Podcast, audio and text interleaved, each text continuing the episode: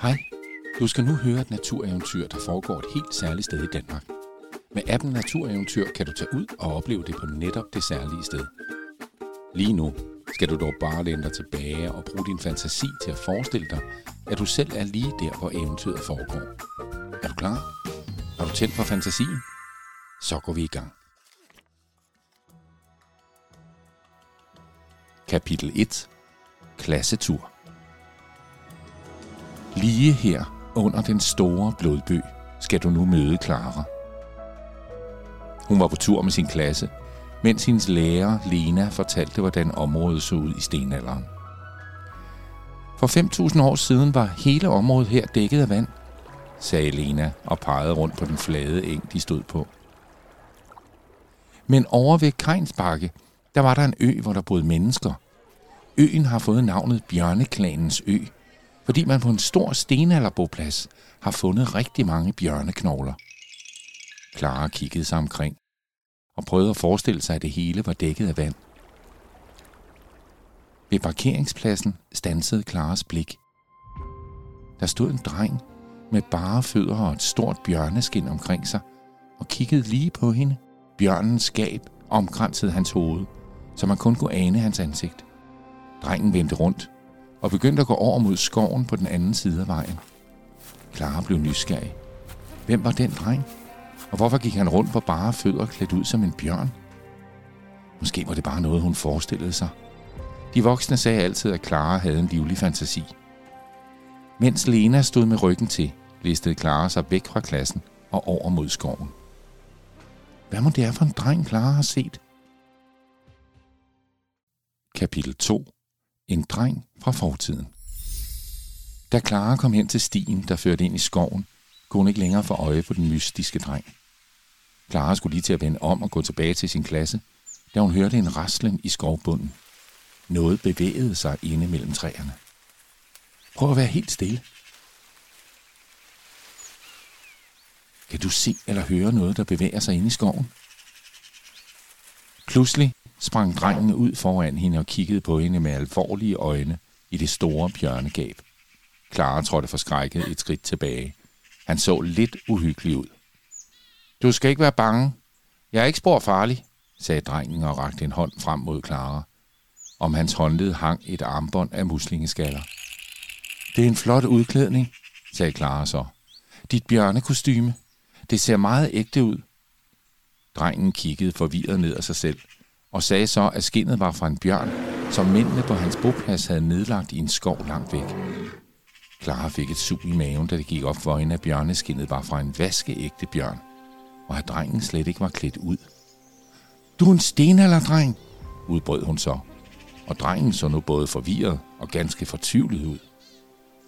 Jeg vidste kom til at gøre noget, jeg ikke måtte, viskede han så, mens tårerne steg op i hans øjne. Måske kan jeg hjælpe, sagde Clara og smilede. Drengen snøftede, nikkede så, og sammen fortsatte de ind i skoven, mens drengen gav sig til at fortælle. Kapitel 3. Ånderejsen, der endte galt. Drengen fortalte nu, at han var en del af bjørneklanen, som boede på den store boplads på øen. De fangede sæler, fisk og samlede muslinger, men de levede også af skovens hjorte, vildsvin og vilde heste. De tilbad bjørnens ånd, som var meget klog og god. Men der er kommet nye mennesker til vores ø.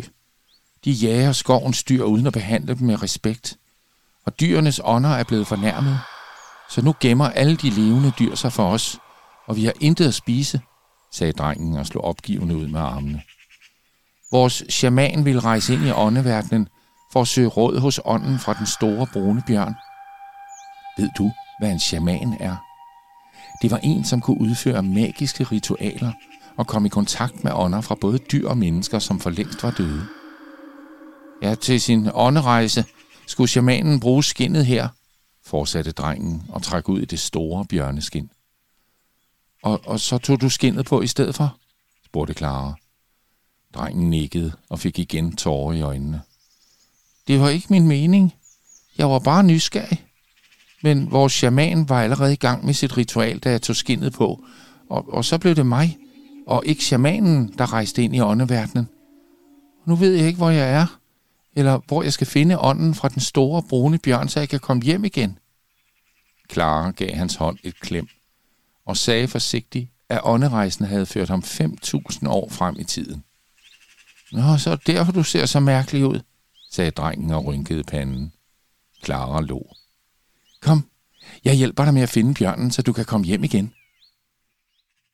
Kapitel 4 Sure Simon Hvad hedder du egentlig? spurgte Clara, mens de gik videre af stien. Drengen rynkede panden og trak på skuldrene. Må jeg kalde dig Flint?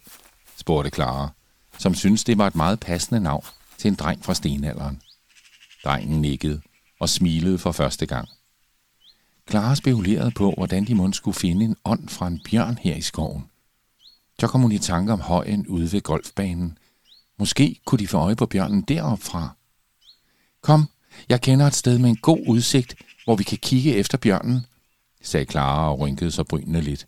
Men, men vi må hellere holde os skjult. Jeg ved ikke, hvad der kan ske, hvis en voksen her fra nutiden ser dig. De vil aldrig kunne forstå det. Flint nikkede alvorligt, men blev så helt bleg, for på en bænk lige foran dem sad en mand med lukkede øjne og sov. Clara mærkede, hvordan hendes mave slog koldbøtter. Det var sure Simon. Han kunne ikke fordrage børn, og var man så uheldig at støde på ham, så blev man skældt huden fuld. Ofte helt uden grund. Clara lagde en finger på læben og vinkede Flint med sig ind mellem træerne. Kapitel 5 Højen her kan vi se langt omkring, sagde Clara, da de nåede op på toppen af højen. Flint stirrede tavst ud over golfbanerne, mens rynkerne i hans pande blev dybere og dybere. Hvorfor er der slet ingen træer? spurgte han og kiggede med forundring på alt det grønne græs, der strakte sig foran dem. Og hvad er det derude? Flint pegede mod horisonten, hvor man kunne se hustage og skorstene. Det er byen, du kan se derude, sagde Clara. Men Flint lignede stadig et stort spørgsmålstegn. Det er huse, hvor der bor mennesker, sagde Clara, og Flint nikkede langsomt. Sådan bor vi slet ikke, sagde Flint.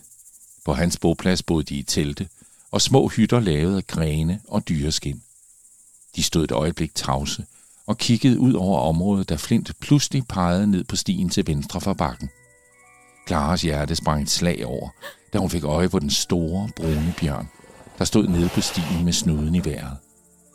Bjørnen rejste sig på bagbenene og brølede op mod dem. Kan du også brøle som en bjørn? Med et bump landede bjørnen igen på alle fire, vendte rundt og begyndte at gå. Det er ånden fra den brune bjørn. Den vil have, at vi følger med, udbrød Flint og trak Clara med sig ned fra bakken. Kapitel 6 Opdaget Selvom de løb så hurtigt de kunne, tabte de snart bjørnen af syne. De stoppede forpustet op og så sig omkring. Flint slog bjørneskinnet ned, så han bedre kunne se. Han havde langt, mørkt hår og ører, der strittede lige ud i luften. Vi skal være helt stille her, sagde Clara og pegede ned mod en grøn og rød bygning med et gråt tag.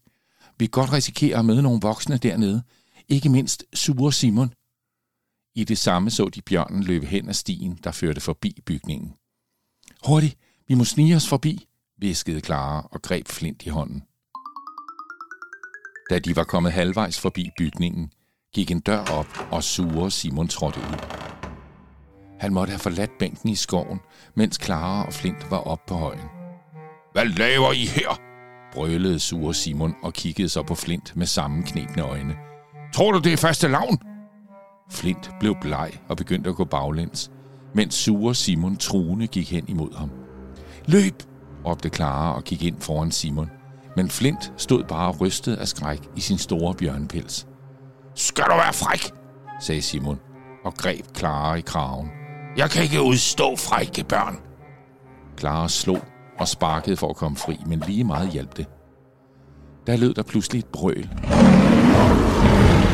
der fik Simons tynde hår til at blafre.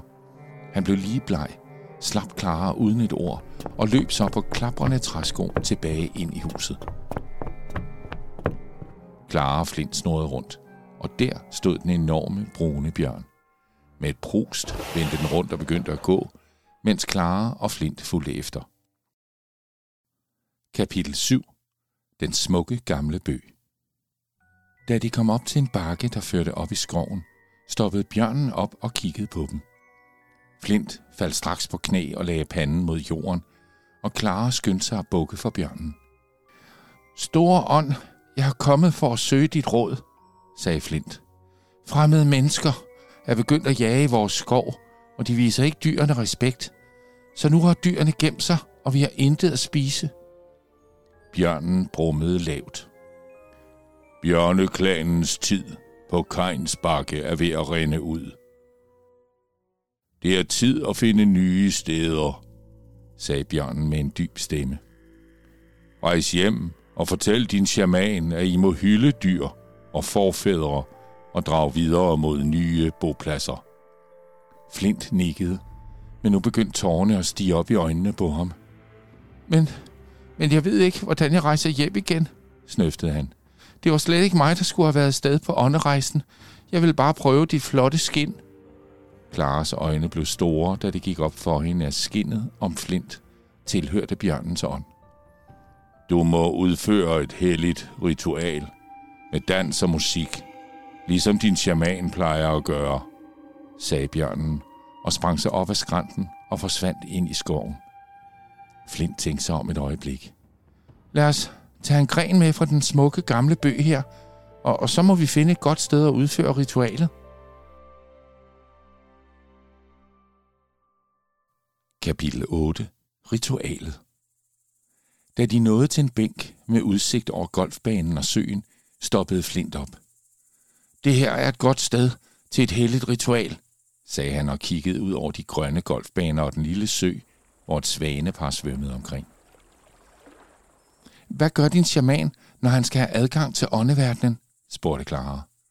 Han trommer og danser, og så spiller han musik med brummeren, sagde Flint og tog nu fat i en lædersnor, han havde om halsen. I snoren sad et smalt, ovalt stykke af en knogle, der var spids i begge ender. Det var den, han kaldte for brummeren. Flint begyndte at svinge knoglestykket i luften, mens han dansede omkring. Knoglestykket begyndte at brumme højt, og Clara sendte Flint et grin. Clara begyndte også at danse, mens hun trummede på bænken med de grene, de havde fundet ved den gamle bøg. Nu begyndte ånder fra dyr, der for længst var døde, at dukke frem. Store kronhjorte, vilde heste, vildsvin og urokser bevægede sig nu i samlet flok videre hen ad stien, mens Flint og Clara fulgte efter. Kapitel 9. Afsked de kom nu til en lille sti, der førte ind mellem træerne på venstre hånd. Her stod bjørnen og ventede på dem. Nu begynder rejsen tilbage til stenalderen, sagde bjørnen. Flint vendte sig mod Clara. Tak for hjælpen. Uden dig havde jeg aldrig klaret turen og fundet vejen tilbage til mit egen tid og mit eget folk. Flint tog Klaras hånd og lukkede den om brummeren. Så du ikke glemmer mig, sagde han. Det her glemmer jeg aldrig, sagde Clara med et grin og hængte brummeren om halsen. Så tog hun sin egen halskæde af og hængte den om Flints hals. Bjørnen begyndte nu at gå ind ad stien, mens alle de andre dyr fulgte med. Du må hellere skynde dig med, sagde Clara, og Flint nikkede. Han kiggede en sidste gang på Clara, som ville han huske, hvordan hun så ud. Og så vendte han sig og fulgte efter dyrenes ånder. Clara stod lidt og kiggede efter dem, mens de langsomt forsvandt som tåge mellem træerne. Så fortsatte hun selv ind ad stien, for nu måtte hun hellere finde sin klasse igen. Kapitel 10. Tilbage til klassen. Da Clara nærmede sig shelterpladsen, kunne hun høre sine klassekammerater snakke og le dernede. Hun løb ned ad bakken og hen mod en gruppe, som var ved at lave bål. Øh, Clara, øh, gider du hen skumfiduserne? spurgte hendes veninde Anna, mens hun lagde et ekstra stykke brænde i bålet. Det var som om hun slet ikke havde lagt mærke til, at Clara havde været væk. Mens de ristede skumfiduser og bagte pandekager over bålet, så snakkede de om alle de historier, deres lærer havde fortalt om bjørneklanens ø. Om shamaner og hellige ritualer, om bjørneknogler og horn fra urokser, og om sælfangst og udvandringen fra Kajnsbakke. Clara mærkede på brummeren, der hang om hendes hals, og smilede hemmelighedsfuldt for sig selv. Hun håbede, at der tilbage i stenalderen ventede Flint en lys fremtid, hvor end han og hans folk ville slå sig ned. Har du lyst til at se udsigten fra den store høj, eller den smukke gamle bø med de mange stammer? Så får din mor eller far, din mormor eller din farfar, eller måske din yndlingsonkel eller lærer, til at tage dig med en tur til Enslev Gård, som ligger ikke langt fra Grenå. Her kan du også snige dig forbi Sure Simon og hjælpe Clara og Flint med det hellige ritual. Download den gratis app Natureventyr, og lad den guide jer rundt på eventyr langs smukke ruter i den danske natur.